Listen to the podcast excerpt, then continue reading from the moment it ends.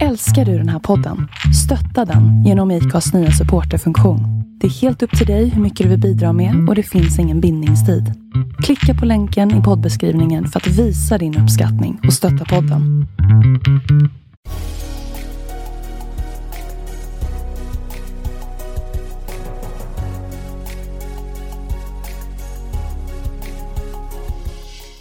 Välkomna till podden Vart är vi på väg? Med mig Jon Skoglund. Och med mig Jonathan Mellblom.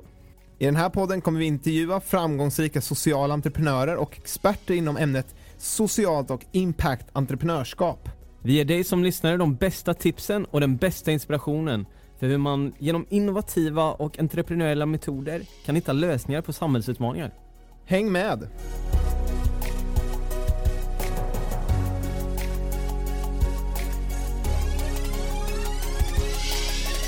Välkomna till dagens avsnitt av Vart är vi på väg? Väldigt roligt att du är med och lyssnar och eh, jag vill bara först påminna er alla om att signa upp för vårt nyhetsbrev eh, så får du med dig de bästa tipsen och en sammanfattning från dagens avsnitt. Det gör du enklast på vår hemsida vartarvipavag.org men nog om det Jonathan. Vad Ja. har vi fått lyssna till idag? Ja, idag har vi haft med oss Lukas Kalsén som är grundare av Hedvig som vill revolutionera försäkringsbranschen. Ja, precis. Och eh, Lukas beskriver sin barndom som ganska lugn och eh, en idrottskille som tidigt eh, började intressera sig för ekonomi och efter gymnasie och eh, universitetsstudier så hade han flera år inom managementkonsultbranschen. Och det var just inom de åren där, där han jobbade mycket mot försäkringsbolag där han såg stora möjligheter i den branschen. Mm, de här traditionella försäkringsbolagen som är stora drakar, segrörliga och kanske lite gamla affärsmodeller. Ja, där mycket av pengarna faktiskt, ja men vart tar våra pengar i vägen någonstans? Ja, en bra fråga. Det får vi höra lite mer om eh, i dagens avsnitt där eh, Lukas pratar om Hedvig. Som är mer på konsumenternas sida skulle man kunna säga. Ja, och de vill göra en mer transparens eh, bransch där du vet var dina pengar försvinner och eh, som försäkringsbolag då så tar man bara en liten del av det och resten går faktiskt till välgörenhet. Exakt, det är riktigt grymt och eh, vi pratar även lite högt och brett om socialt entreprenörskap och om framtiden. Eh, mycket bra avsnitt. Ja, det här kommer bli riktigt grymt så häng med! Nu kör vi! Det gör vi! Ja Jon, hur är läget idag? Det är bra! Ja, det är bra med mig också förutom att jag är lite förkyld. Ja, jag hör det. Lite Ja. täppt näsa idag. Vi får be om ursäkt här på förhand till eh, lyssnarna men jag ska ändå göra mitt bästa här och hålla uppe röst och eh, motivation idag. Ja, men det låter bra. Och idag är ju faktiskt första dagen som vi inte har så bra väder här i Stockholm när vi spelar in podd. Vi har ju Nej, nästan haft sol varenda fredag vi varit här. exakt. Men vi är här på Clarion Sign idag igen och med oss idag så har vi Lukas Kalsén eh, från Hedvig. Välkommen hit! Tack så mycket. Eh, hur är läget med dig? Det är väldigt bra. Gött! Mm. Vad eh, har du gjort idag? Idag har jag mm, haft en ganska lugn eh, förmiddag faktiskt. Jag har haft lite möten med min, eh, min hårchef. Hur ser en typisk dag ut för dig då?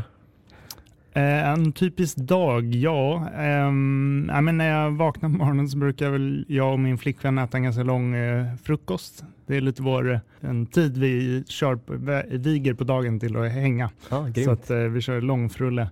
Eh, och sen så eh, ja, men går jag iväg till Hedvig som ligger på Vallalavägen ganska nära mig. Och ehm, ja, men där så, det är väldigt olika vad man gör på dagarna, men ehm, just nu har vi ju preppat ganska mycket inför, eh, inför augusti där som är en viktig månad och många flyttar och många vill försäkra, vill försäkra sig. Så att, eh, vi håller på att utveckla nya försäkringsprodukter och eh, utveckla vårt varumärke. Eh, jag håller på mycket med rekrytering.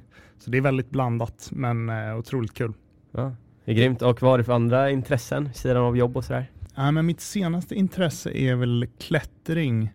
Där en av mina kollegor har introducerat mig till eh, sporten. Så vi brukar eh, sticka iväg en gång i veckan till eh, telefonplan och, och, och eh, klättra i en klätterhall. Det tycker jag är superkul. Ja men kul. Har du bestigit någon svår vägg? Ehm, ja, det har jag väl.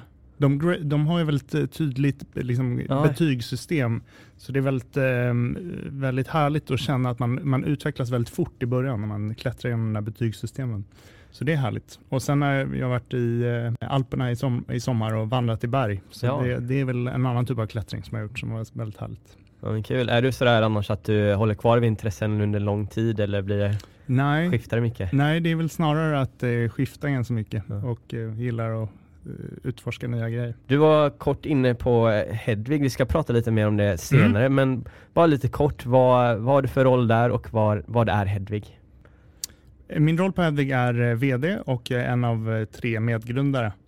Ehm, och Hedvig är ett techbolag som har gett sig in i försäkringsbranschen. Så att vi erbjuder hemförsäkringar för hyresrätter och bostadsrätter idag. Och ehm, grunden bakom Hedvig är egentligen en, en ny typ av affärsmodell som bygger på att vi vill göra försäkring betydligt mer rättvist och ärligare än det, har, har, än det drivs idag.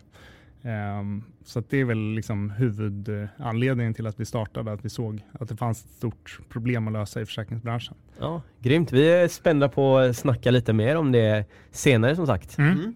Och eh, om vi riktar fokus mot dig då och din bakgrund. Eh, vart är du född någonstans om vi börjar där? Jag ehm, föddes på Söder i Stockholm och ehm, sen så flyttade vi med familjen till Chile. I, eh, där bodde vi två, två och ett halvt år. Ehm, och sen så eh, har jag växt upp egentligen i Enebyberg som ligger norr om Stockholm. Ja. Vad gjorde ni i Chile där? Eh, Min pappa jobbade på ett gasbolag som heter AGA, som, Mm, ja. eh, så han var, var där i, i två och ett halvt år och, och mamma jobbade som sjuksköterska så att vi ja, var där och jobbade, eller de var där och jobbade.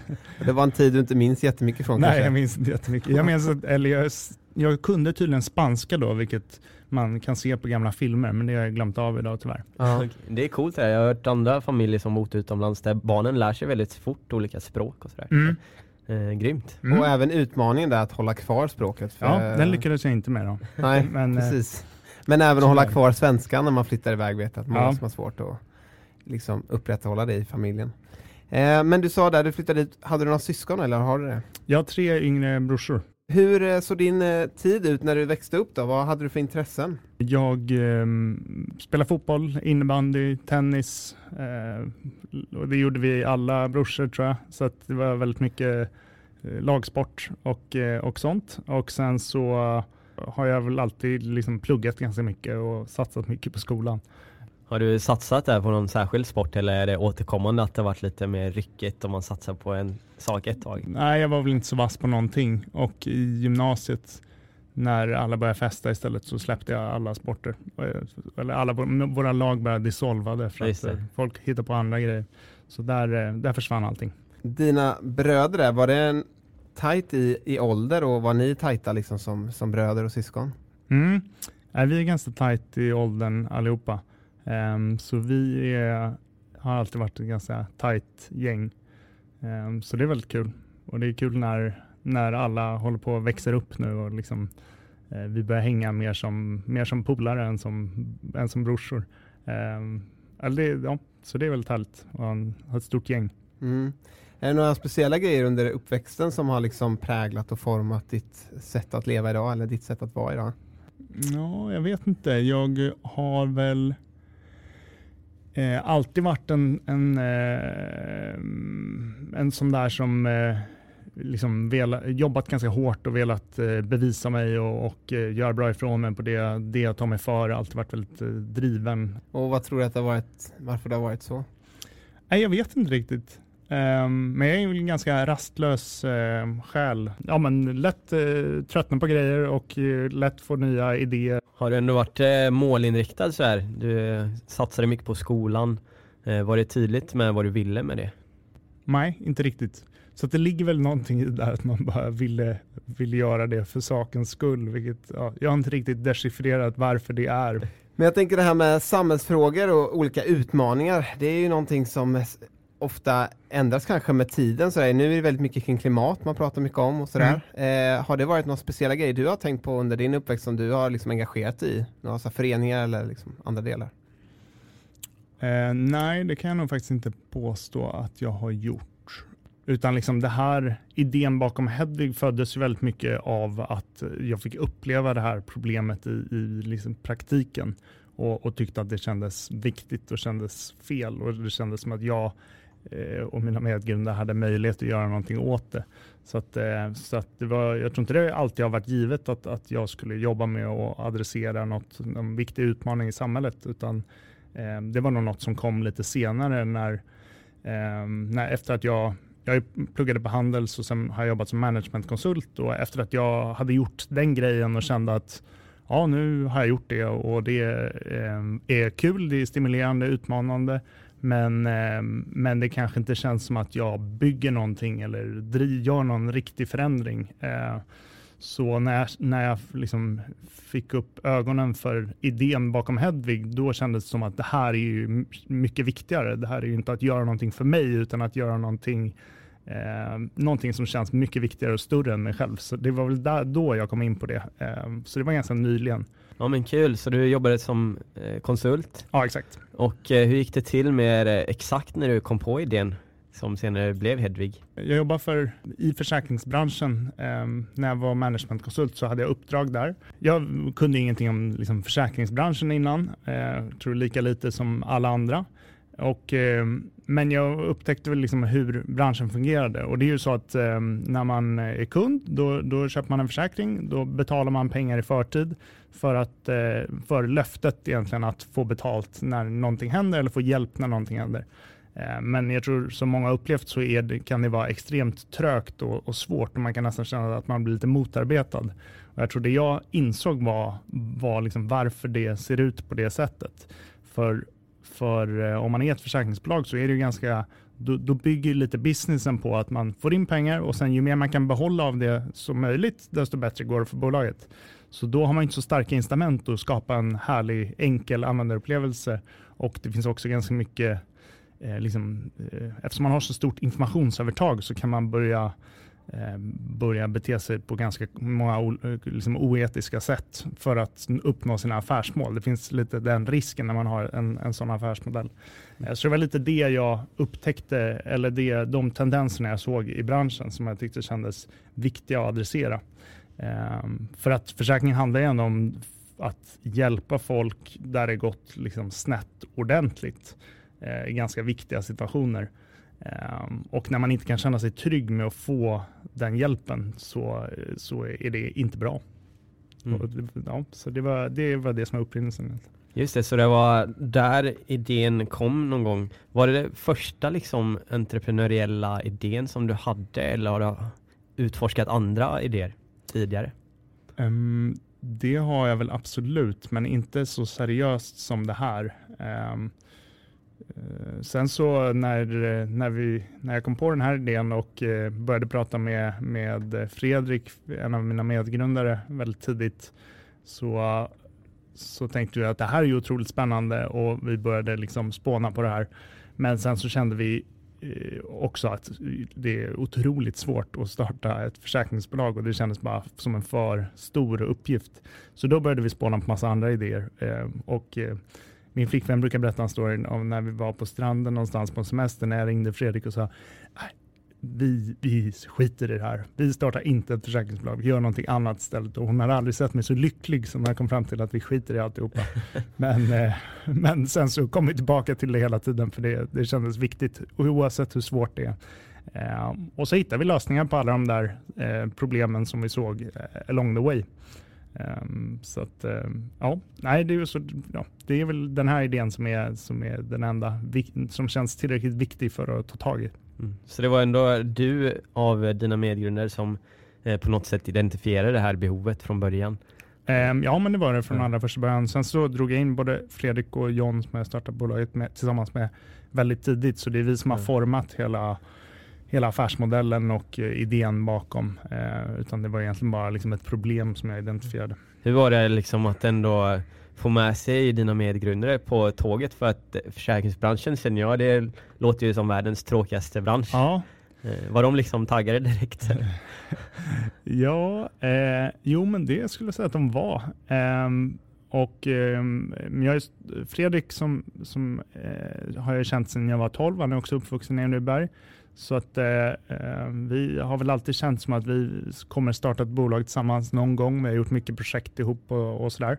Liksom, eh, så, att, eh, så vi krokade arm ganska fort och sen så kunde vi ingenting om, eh, om tech. Så vi behövde ju hitta en person som var expert inom det. Eh, och då hittade vi John, han jobbade också på McKinsey på den, på den tiden. Och han hoppade på väldigt snabbt. Han, uh, han är väl entreprenör i, i själen. Han har startat bolag tidigare. Så att, han tyckte det här lät superspännande och som att det fanns massa liksom, tech-utmaningar och möjligheter som han ville ta tag i. Så att, det gick ganska fort. Hur var det att gå in i, i, en startup tillsammans med en av sina barndomsvänner? Vissa brukar ju säga att eh, man inte ska göra business med sina vänner och vissa talar för det. Hur tänker du kring det? Eh, ja, alltså det har ju varit eh, otroligt bra. Eh, men jag tror inte det är det alla gånger. Ehm, med, jag och Fredrik har gjort så jäkla mycket projekt och, och eh, vi har ordnat fester ihop och liksom gjort alla skolprojekt ihop. Och, eh, och sådär. Så vi visste exakt hur det var att jobba med varandra. Vi visste att vi kompletterade varandra och vi visste att vi liksom kunde eh, ja, man kunde stöta och blöta grejer eh, och så att de blev bättre än vad vi hade kunnat göra dem själva. Eh, så att det är nog bra att veta hur, hur det är. Så att säga. Men om man bara är, är eh, om man inte har gjort så mycket saker ihop utan bara liksom, eh, haft kul så kanske det är svårare att veta hur det funkar när man väl ger sig in i, i det här, vilket ju ändå är en väldigt tuff eh, situation ofta. Alltså, så man får gå igenom otroligt mycket tillsammans. Så jag skulle verkligen inte göra det med eh, vem som helst av mina vänner utan utan det är ju någon man känner att man kan gå in i, i den här långa strugglen tillsammans med. Ja, för jag tänker just det där kring när ni då började dra igång det här, hade ni några så här, men det här måste vi komma överens om innan? Har du några bra tips på om det finns andra människor som också funderar på det här, dra igång något med varandra på? Du säger det så att man ska testa olika projekt kanske innan varandra så att man, man känner varandra hur det funkar just i business-sammanhang. Mm. Men är det andra bra tips där som, som ni har använt idag för att lyckas liksom bygga det här tillsammans? Um, bra fråga. Ja, det jag tror det är väldigt viktigt att alla är liksom 100% committed från början.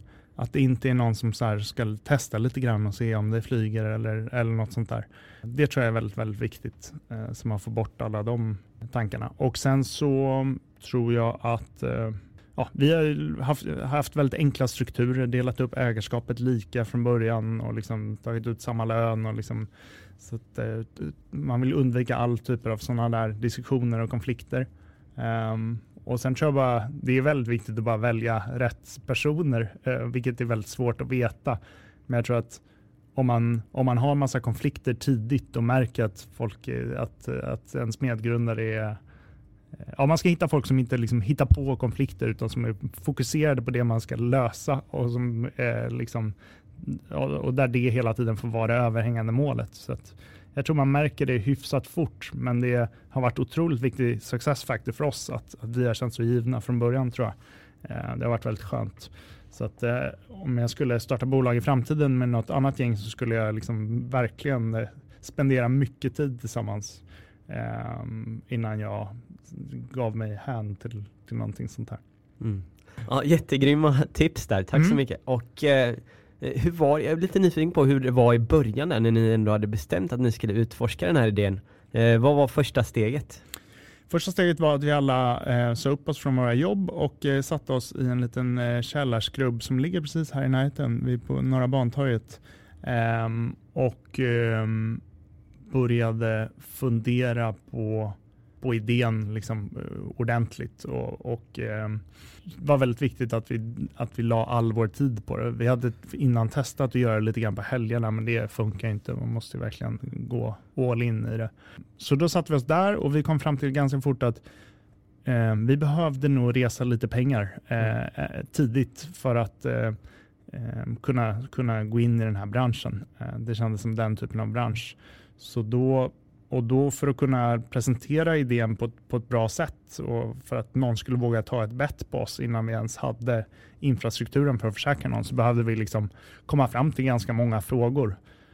Um, så vi satte oss och gjorde, gjorde en presentation och, uh, och sen började vi liksom um, parallellt med det terrorisera våra vänner med uh, olika workshops och liksom, uh, användartester och, och uh, olika designs och namnförslag och liksom, allt sånt där för att bara tvätta fram idén. Ja. Hur såg det ut här i den här källarskrubben? Var liksom så här som man ser framför sig post-it lappar på väggarna och man sov över där. Hur var det? ja, men, men ganska mycket. Det var liksom ett litet kontor till ett bostadshus som låg eh, långt ner under jorden.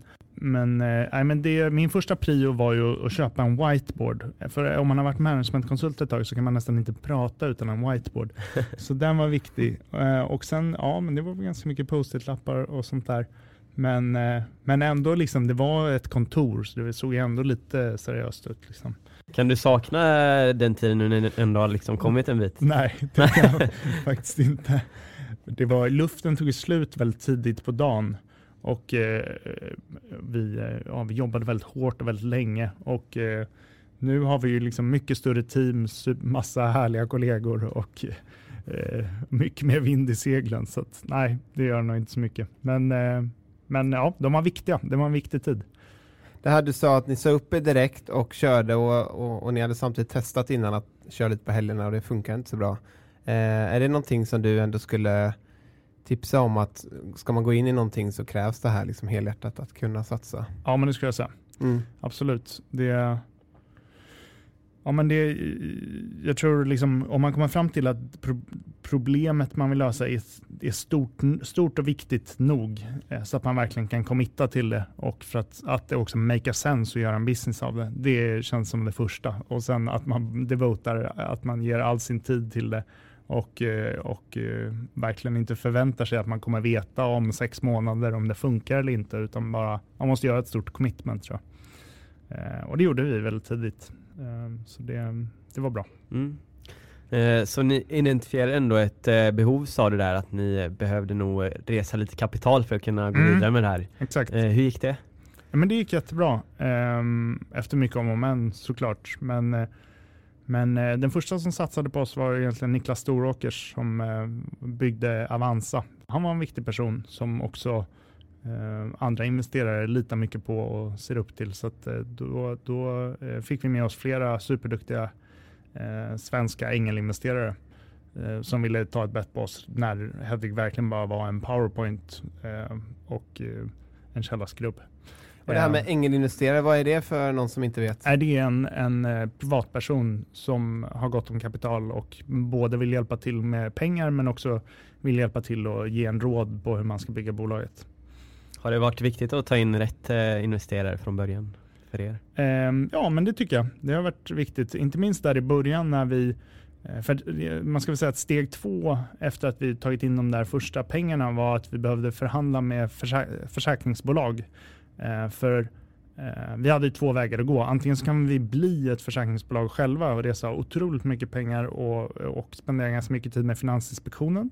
Men en annan väg att gå var att hitta ett globalt försäkringsbolag som hade möjlighet att, att ingå ett partnerskap med oss. Så att de liksom står för hela balansräkningen och den finansiella risktäckningen.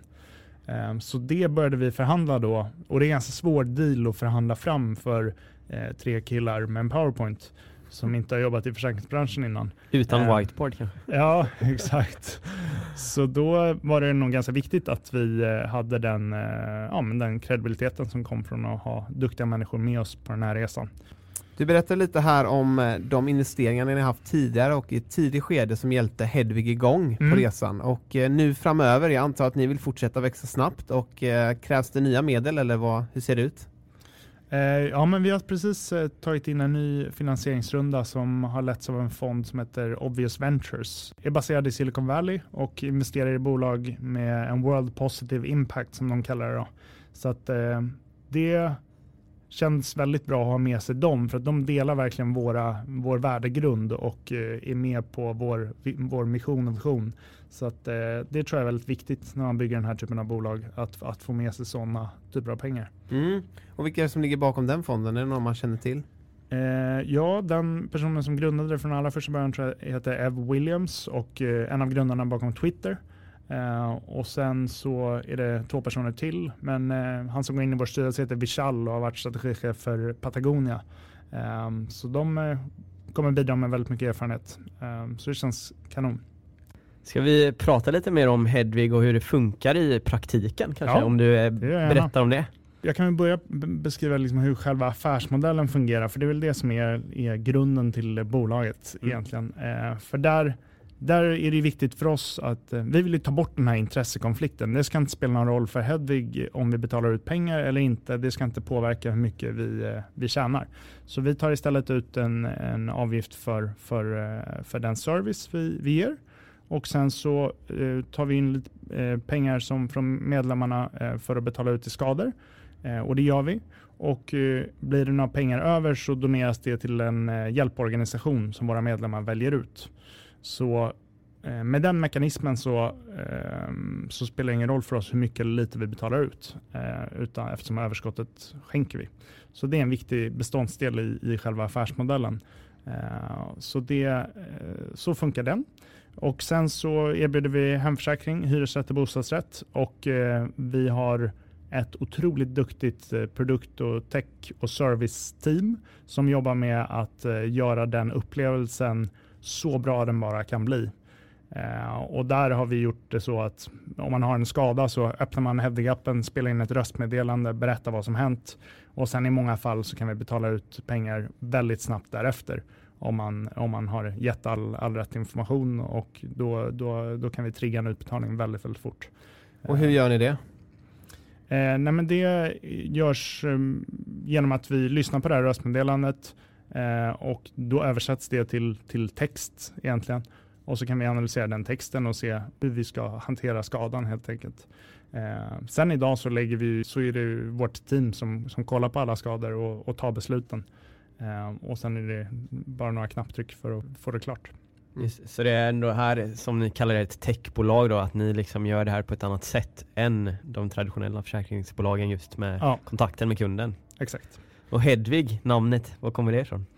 Eh, nej men det sattes där nere i den här källaren. Vi automatiserar ju ganska stor del av interaktionen. Den sker liksom i, en, i en chatt i, eh, i telefonen. Men vi vill ändå att det ska kännas eh, personligt för eh, eh, försäkring är ju en ganska personlig grej. Så, att, eh, så därför så heter det, kom vi fram till att det skulle vara ett, ett namn på en person. Och sen så betyder Hedvig kämpe. Mm. Um, och det är ganska härligt att ha någon som kämpar vid en sida när det gått snett. Och det är väl så man ska tänka på Hedvig. Och kanske också uh, att ni är en liten kämpe i försäkringsbranschen. Ja, ni är lite. Rocky mot Drago. Exakt, Eller vad hette han? det är sant. Sen så ehm, kunde vi också köpa domännamnet från Hedvig Eleonoras kammarkör. Så det var väldigt härligt. Okej, okay, så de hade den innan? Ja. Var det ett eh, dyrt uppköp? Eh, jag vet inte riktigt vad domäner ska kosta. Men eh, vi pratade med dirigenten där som var en otroligt trevlig person. Eh, så det gick bra. Alla andra domäner var väldigt svåra att få tag på. De kostade väldigt mycket pengar och det var någon, var någon märkliga domainers som man hade att göra med. Men den här personen var ju fantastisk. Ja men spännande. Så att ni tar 20% i serviceavgift som ni kallar det. Ja precis. Och eh, resten går tillbaka till medlemmarna förutom, ja. eller bara det ni betalar ut då egentligen.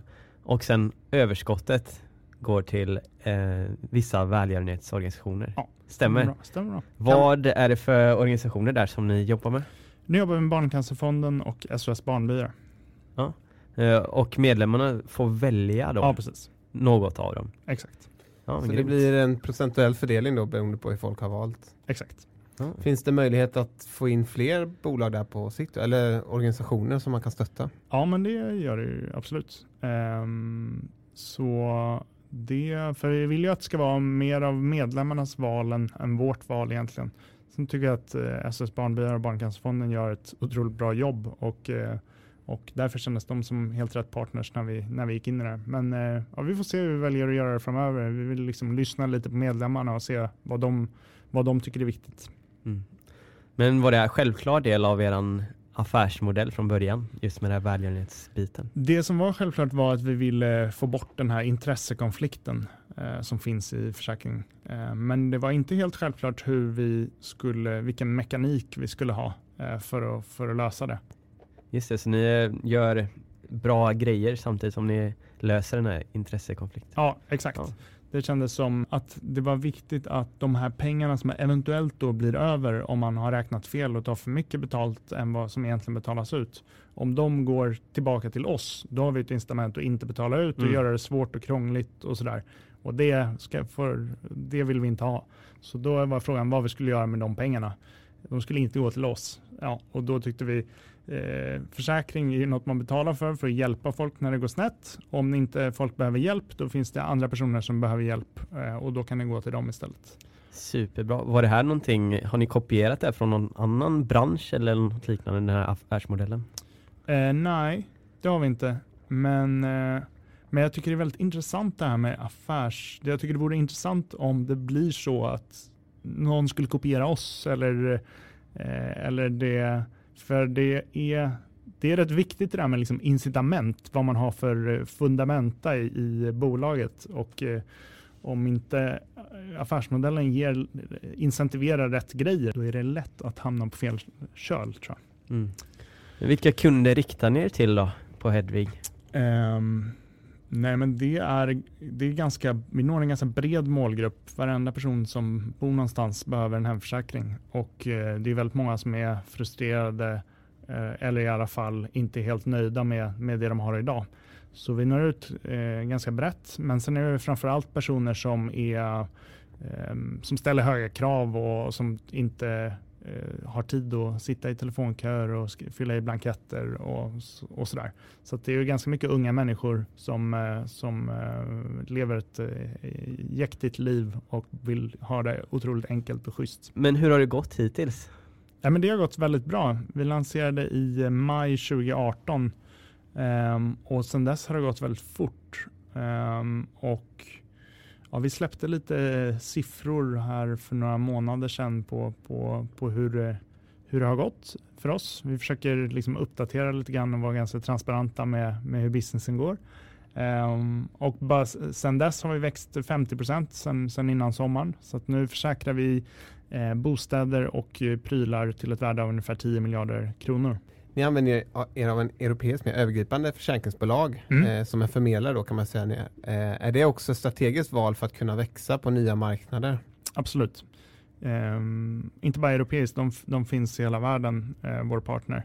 Så det är en väldigt bra lösning för att kunna gå till nya marknader eh, eftersom de redan har försäkringslicenserna på plats eh, i, i de flesta marknaderna. Jag tänker det måste vara en viktig del just för skalbarheten att inte fastna för begränsat då. Ja, verkligen. Och eh, det här problemet eh, finns ju i hela världen. Vi eh, har absolut som ambition att, att, ta Hedvig till andra delar av världen mm. Tillsammans med vår partner. Om vi kollar på en treårshorisont här då, ni, har ni kommit dit då att kunna expandera till andra länder? Ja, men det skulle jag säga. Absolut. Så hur lång eh, plan har man då som entreprenör i ett äh, ganska ungt bolag? Äh, man har en tioårsplan, men den är kanske inte så detaljerad, utan det är mer av en ambition och en riktning. Eh, och sen eh, eh, lär man sig så otroligt mycket hela tiden på vägen. Så att, eh, så att vad man än beslutar och bestämmer så eh, ser verkligheten lite annorlunda ut tre månader senare och då, eh, så, då får man vara lite mjuk i knäna. Så den, eh, den finns hela tiden en långsiktig plan men den ändras ganska ofta. Ehm, sen nu har vi börjat komma till en stadie då, man, då, det, då vi börjar kunna liksom se tydligt tre, sex månader framåt vad vi, vad vi kommer vara och vad vi ska prioritera. Men, eh, men för, för ett tag sedan så var det lite mer, så ändrades det väldigt, väldigt ofta. Du som VD, eh, hur balanserar du den här eh, mixen mellan att tänka framåt, vara strategisk och ha tid för det eh, och inte bara fastna i det som behöver göras här och nu som jag kan förstå är väldigt många grejer? Mm i den mån jag har löst det så har jag gjort det genom att anställa otroligt duktiga människor och lägga väldigt mycket tid på rekrytering. Um, och, um, och på så sätt så, så de där viktiga problemen här och nu eh, kan man väl känna sig trygg med att det är någon smartare person som, som äger och driver. Eh, så, och på så sätt kan man ju få tid och utrymme och, och, och tänka, tänka framåt. Um, men det är ju supersvårt och uh, jag tycker jag märker att när, man, när jag var på semester nu tre veckor så fick man ju möjlighet att verkligen tänka långsiktigt. Så jag kanske ska göra det lite oftare, jag vet inte. Ja, precis. Det här med att hitta rätt folk då, har du några bra tips på hur, hur man faktiskt gör det jobbet? Oj, mm, bra fråga. Det, det känns som att det har varit, vi har lyckats otroligt bra, men, och det känns som att det är nästan det viktigaste eh, ja, successfaktorn eller vad man säger. Eh, men, men samtidigt så har vi inte utarbetat någon kokbok eller någonting, utan eh, många av de som jobbar på Hedvig har ju rekommenderats av någon annan som jobbar på Hedvig. Ehm, Framförallt i början så var det väldigt mycket så. Och nu har vi börjat intervjua mycket mer eh, strukturerat och vi gör eh, test, eh, olika typer av tester, personlighetstester och sådär. Och så gör vi mycket case-intervjuer där man får förbereda en uppgift och, och presentera den. Ehm, det är faktiskt väldigt, väldigt bra. Ehm, men framförallt bara lära känna den, här, pers den här personen och lägga tillräckligt mycket tid för att, för att förstå vem personen är. Jag såg på Hedvigs Facebook-sida att mm. ni har någonting som heter Hedvig Zero. Yes. Och det var en person som hade uppnått detta precis eh, för ett tag sedan. Kan du berätta lite om det? Eh, ja, nej men det är ett, eh, ett eh, program som vi precis har infört där man kan rekommendera en vän till Hedvig och på så sätt få eh, ett avdrag på sin månadskostnad. Så, att, så då om man bjuder in en vän får man då 10 kronor lägre och vännen får också 10 kronor lägre. Och, eh, och, låt säga att man betalar då kanske 200 kronor i månaden för sin försäkring. Om man då eh, bjuder in 20 vänner så betalar man ju då noll. Och det är en person som har uppnått den drömgränsen. Det här är ett grymt tips för alla ja. nya studenter där ute ja. som vill skaffa hemförsäkring. Ja, exakt. ja, det är väl bara att gå ut och rekrytera första dagen på universitetet. Ja, Först till kvarn.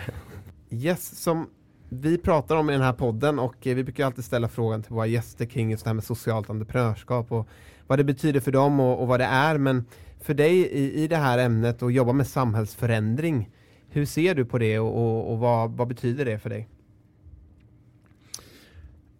Nej, men jag tror att eh, socialt entreprenörskap är väl när eh, eh, ens drivkraft som entreprenör kommer ifrån att man eh, har Eh, Eh, identifierat någon typ av samhällsutmaning eller någonting som man tycker är, är fel eller oetiskt eller, eller bara kan bli bättre eh, i samhället eh, som man eh, känner passion kring och vill driva. Att det är liksom grunden till det och sen att man eh, har möjlighet att bygga en business kring det och tjäna pengar är, kommer sekundärt.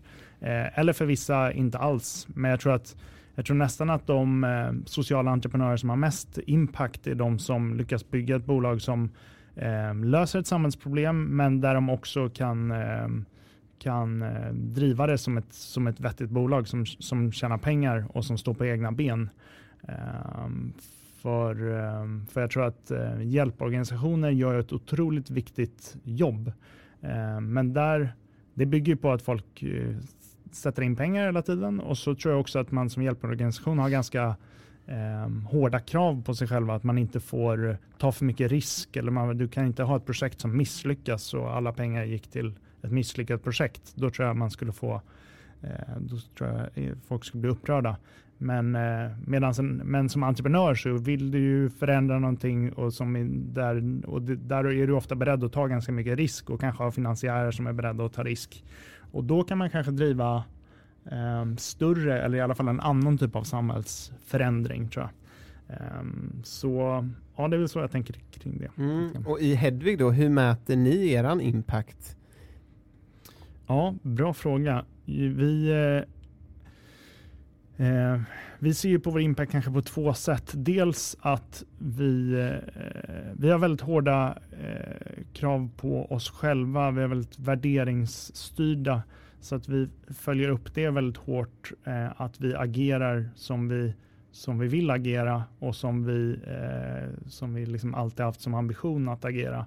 Eh, det vill säga eh, att, att, att, behandla våra medlemmar på, på ett otroligt schysst sätt. Eh, och eh, så, så på det sättet så tycker jag att ju, ju, större vi blir och desto mer medlemmar som kommer över till oss, så länge vi sköter oss så, så driver vi en förändring i branschen. Eh, sen tror jag det optimala skulle vara om vi såg att andra försäkringsbolag tog efter oss och, och eh, slutade med bindningstider exempelvis eller, eller, eh, eller ja, tog tag i, i de problem som finns. Det är väl det, det vi vill se. Det skulle vara otroligt häftigt om, om vi kunde driva den, den förändringen på det sättet. Um, sen så mäter vi såklart hur mycket vi donerar till hjälporganisationer uh, och det är också en viktig metric som vi, som vi trackar. Ni vill ju vara med och eh, förändra försäkringsbranschen som är ganska traditionell och det här har man ju sett i många andra branscher tidigare som har förändrats väldigt mycket när uppstickare kommer och, och, och mm. nytänk. Mm. Kan ni se att era konkurrenter börjar eh, bli lite skakiga och eh, se över sina affärsmodeller nu? Det är nog för tidigt att säga. Men jag tycker att man ser att de tar efter lite av vårt, vårt sätt att kommunicera och lite, och lite sådana grejer. Så jag tror att de har ganska bra koll. Eh, och som sagt, det vore väl superhäftigt om de eh, tog efter eh, några delar som vi gör. Eh, för då, nu, även om Hedvig växer väldigt snabbt så är ju ändå merparten av Sverige försäkrade hos de traditionella bolagen. Så att, eh, om vi kan driva en förändring där vore det otroligt bra. Det här med samhällsfrågor och att man vill jobba med impact på olika sätt. Dels gör ni det genom ert företag eh, som vi har varit inne på. Men vad är det för stora frågor och utmaningar som har blivit viktiga för dig idag? Ja, det finns, många, det finns många stora frågor. Liksom klimatet är en, en given eh, stor fråga just nu. Jag tycker det är läskigt med alla eh, knäppa politiker som håller på att röstas fram nu över hela världen. Och jag tror det är en ganska... Eh, det kommer det, det, kan styra utvecklingen ganska mycket, vad man eh, såklart. Eh, och det är intressant att, att, tänka kring vad är det som är, vad är det som är rotorsaken bakom det? Eh, för jag tror att kan, vi inte, kan inte de politiker eller beslutsfattare som har ett större perspektiv och tänker globalt och, och tänker på de viktiga frågorna, kan inte de eh, vinna folkets förtroende, då är vi ganska illa ute. Eh, och det ser inte så jäkla ljust ut just nu. Så det tycker jag jag, jag, vet inte, jag är ingen, liksom, jag vet inte hur vi kommer komma till en bättre plats, men det känns otroligt viktigt att de, eh, de personerna som, som kommer ta tag i de där frågorna faktiskt lyssnar in eh, folket och lyckas vinna tillbaka deras förtroende. Eh, för det, det känns inte som vi, vi är på väg åt rätt håll just nu. Mm. Det finns ju ändå väldigt många bolag som vi har träffat i den här podden och personer, entreprenörer som på något sätt försöker lösa utmaningar som vi står inför nu och utmaningar som vi kanske kommer stå inför i framtiden. Mm. Eh, men hur, hur är du personligen liksom, om vi ser på en tio års sikt, är du optimistisk eller är du mer pessimist till att vi ska ha löst olika samhällsutmaningar, tänker på klimatet kanske och sådär? Mm. Um, jag, äh, jag tycker, för liksom, politiker är väl en sak, men, men jag håller verkligen med dig om att, eh, om att det finns väldigt många entreprenörer som gör eh, viktiga saker och som tar tag i de, där, i de stora problemen. Eh, och det känns bara som att det mm, blir större och större. Så att jag tror liksom näringslivet är på väg åt rätt håll och, och, och eh, eh trots att politiken kanske inte är det. Ehm, men på lång sikt eh, så tror jag att eh, vi är absolut optimist. Jag tror att vi kommer att ha löst eh, de flesta stora samhällsproblemen. Ehm, och jag tror att om man tar klimatet så tror jag att det är liksom, eh, teknologi och innovation som kommer på något sätt bli lösningen. Ehm, men jag tror att det, den, har ju, den innovationen har väl förmodligen då möjliggjorts av en beteendeförändring och att eh, Eh, liksom företag, forskare, smarta människor ser att det finns en efterfrågan eh, för lösningar inom det här området. Så jag tror det är väldigt viktigt att eh, det finns eh, vokala personer som, som driver en förändring och får folk att tänka på ett annat sätt. Eh, men jag tror att i slutändan så är det nog lö lösningen handlar nog snarare om liksom, teknologi. Tror jag, men sen who knows. Men... Vi har haft eh, ett grymt samtal här idag och vi eh, tänkte gå in för lite avslutning och runda av det här och då har vi några återkommande frågor som vi brukar ställa. Men eh, vi tänkte börja eh, fråga dig Lukas, vad har du för tips till någon som har en idé eller en eh, social innovation och vill börja jobba med det för att hitta finansiering till det? Har du några tips? Försöka hitta en modell där du kan lösa det problem du är passionerad kring att lösa, eh, men ändå på något sätt bygga ett, ett, företag av det som, som har möjlighet att tjäna pengar. Eh, för då tror jag att du eh, har access till en annan typ av, en bredare typ av finansiering. Eh, och det kommer nog göra att du i slutändan har, har mer impact. Eh, sen är det inte alla problem som går att lösa på det sättet, men eh, om man kan hitta en sån lösning så tror jag att det eh, är ett, är ett bra sätt. Eh, faktiskt. Och någon som sitter idag och har en idé, vad har du för tips på för dem att komma igång nu och köra? Ja, vi snackade lite om det innan kring medgrundare. Det tycker jag känns mm. viktigt att bara hitta rätt, eh, rätt eh, team och, och, göra det tillsammans med från början. Um, så att, eh, så att det, skulle jag, det skulle jag lägga mycket tid och energi på, att, eh, på att lyckas med. Och sen eh, eh, tror jag det bara handlar om att eh, committa och, eh, eh, och sen inse att alla de där utmaningarna som man ser med, med projektet från början eh, kommer man lösa någonstans på vägen. Eller så kommer man inte det, men då måste man nog ändå känna att det har varit värt ens tid för att, för att det är viktigt nog. Grymt, så tipset är medgrundare framförallt där. Ja, men det ska jag säga. Och eh, ett socialt företag, om vi nu kategorisera det som det, som du tror på lite extra framöver? Ja, vi pratade också om det lite innan vi började spela in att eh, jag, eh, ni intervjuade ju August från Asket här tidigare. Um, och uh, August och Jakob som driver Asket har jag väldigt mycket respekt för som entreprenörer. De, de är väldigt uh, liksom kompromisslösa i, i produkt och i, i kommunikation och varumärke och uh, hela deras idé. Så att, de tror jag mycket på. Ehm, och de gör ett viktigt eh, jobb i deras, i deras bransch. Tycker jag. Mm, ja, det är verkligen en annan bransch som likt eran eh, man inte har haft så mycket insyn i kanske innan. Nej, eh, och det behöver verkligen läggas ut alla kort på bordet. Mm. Och avslutningsvis, det sista tips på någon du skulle vilja lyssna på här i podden framöver? Um, ja, men, uh, ett bolag som jag tycker hade en väldigt uh, intressant affärsidé eller som, som adresserade ett, ett viktigt problem och ett norrskenbolag. Jag tror de hette Clarity. Ehm, jag är inte säker på att de är igång fortfarande, men, men de jobbade med att eh, adressera frågan kring korruption i världen, vilket ju är en otroligt stor och svår fråga. Men det känns på något sätt som eh, roten till mycket. Om man kan, mm. eh, det är svårt att, att, jobba med både entreprenörskap och att eh, råda bot på samhällsproblem om du har korruption. Så det hade varit jäkligt intressant att lyssna på um, om hon som var vd för det och se hur, hur, vad hennes erfarenheter från det och uh, tankar kring problemet kanske.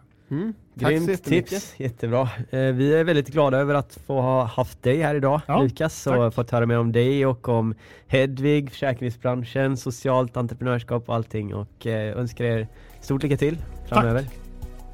Tack så mycket för att du har lyssnat på dagens avsnitt Glöm inte bort att följ oss i sociala medier. Vi finns på Facebook, Instagram och LinkedIn och även vår hemsida vartarvipavag.org.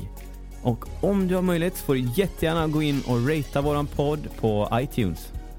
Yes, och för dig som vill ta del av podden ytterligare så tycker jag att du ska gå in och signa upp dig för vårt nyhetsbrev där du varje vecka får en liten kort resumé av avsnittet men också de bästa tipsen och de bästa insikterna från gästen som vi har haft med oss.